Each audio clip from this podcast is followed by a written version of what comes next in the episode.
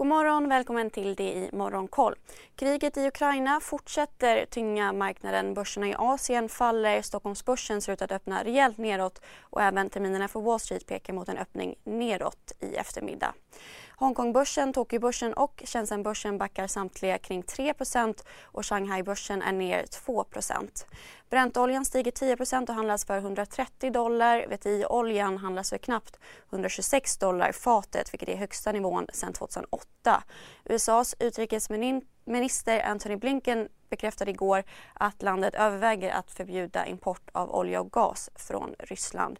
Enligt en EU-källa så överväger även europeiska länder nu importförbud. Samtidigt har samtalen mellan väst och Iran försvårats efter att Ryssland ställt krav om att sanktionerna inte ska drabba handel med Iran. Det rapporterar Reuters. Enligt JP Morgan har de flesta importörer redan valt bort rysk olja. Även guldpriset har stigit och handlades under natten över 2000 dollar vilket inte gjorts sedan i mitten av 2020. Kina sänker sitt mål för tillväxten i år till cirka 5,5% från förra årets cirka 6% Det meddelas... I de sekunderna när jag är i luften så är det en kamp på liv och död. I Spotlights serie Vinnarskallarna minns stjärnorna själva de dramatiska svenska sportögonblicken. Hör Anja Persson berätta om när hon kraschade i OS-backen men reste sig igen. Jag ville vinna över berget. Vinnarskallarna. Nytt avsnitt varje fredag. Sök efter podden Spotlight.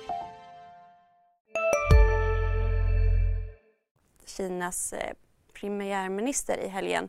Målet är det lägsta på tre decennier men över förväntningarna på närmare 5% och IMF-prognosen på 4,8 Mobiltjänsten TikTok har begränsat användning i Ryssland efter Rysslands censurlag som skrevs under i fredags. Lagen gör spridning av information som Ryssland anses vara falsk till brottslig och straffbart med upp till 15 års fängelse. Bolaget ska stoppa livesändningar och nytt innehåll i tjänsten. Och Bulten som är underleverantör till fordonsindustrin har beslutat att avveckla verksamheten i Ryssland. Intäkterna från Ryssland står för drygt 1,5% av bolagets totala intäkter. Sist om Ericssons muthärva. På fredagen så kom uppgifter om att aktieägare i Ericsson stämt bolaget för att undanhållit information kopplat till misstänkta mutaffärer i Irak. Och igår avslöjade DI att Ericsson börjat granska minst ett av bolagen som varit föremål för utredning i Irak 2015 och inte 2018 som bolaget tidigare meddelat. Aktien är ner omkring 30 den senaste månaden. På agendan idag så ser vi fram emot SAS trafiksiffror.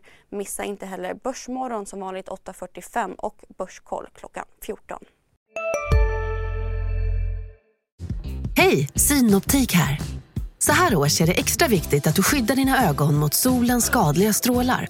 Därför får du just nu 50% på ett par solglasögon i din styrka när du köper glasögon hos oss på Synoptik. Boka tid och läs mer på synoptik.se. Välkommen! CSRD, ännu en förkortning som väcker känslor hos företagare. Men lugn, våra rådgivare här på PWC har koll på det som din verksamhet berörs av. Från hållbarhetslösningar och nya regelverk till affärsutveckling och ansvarsfulla AI-strategier. Välkommen till PWC.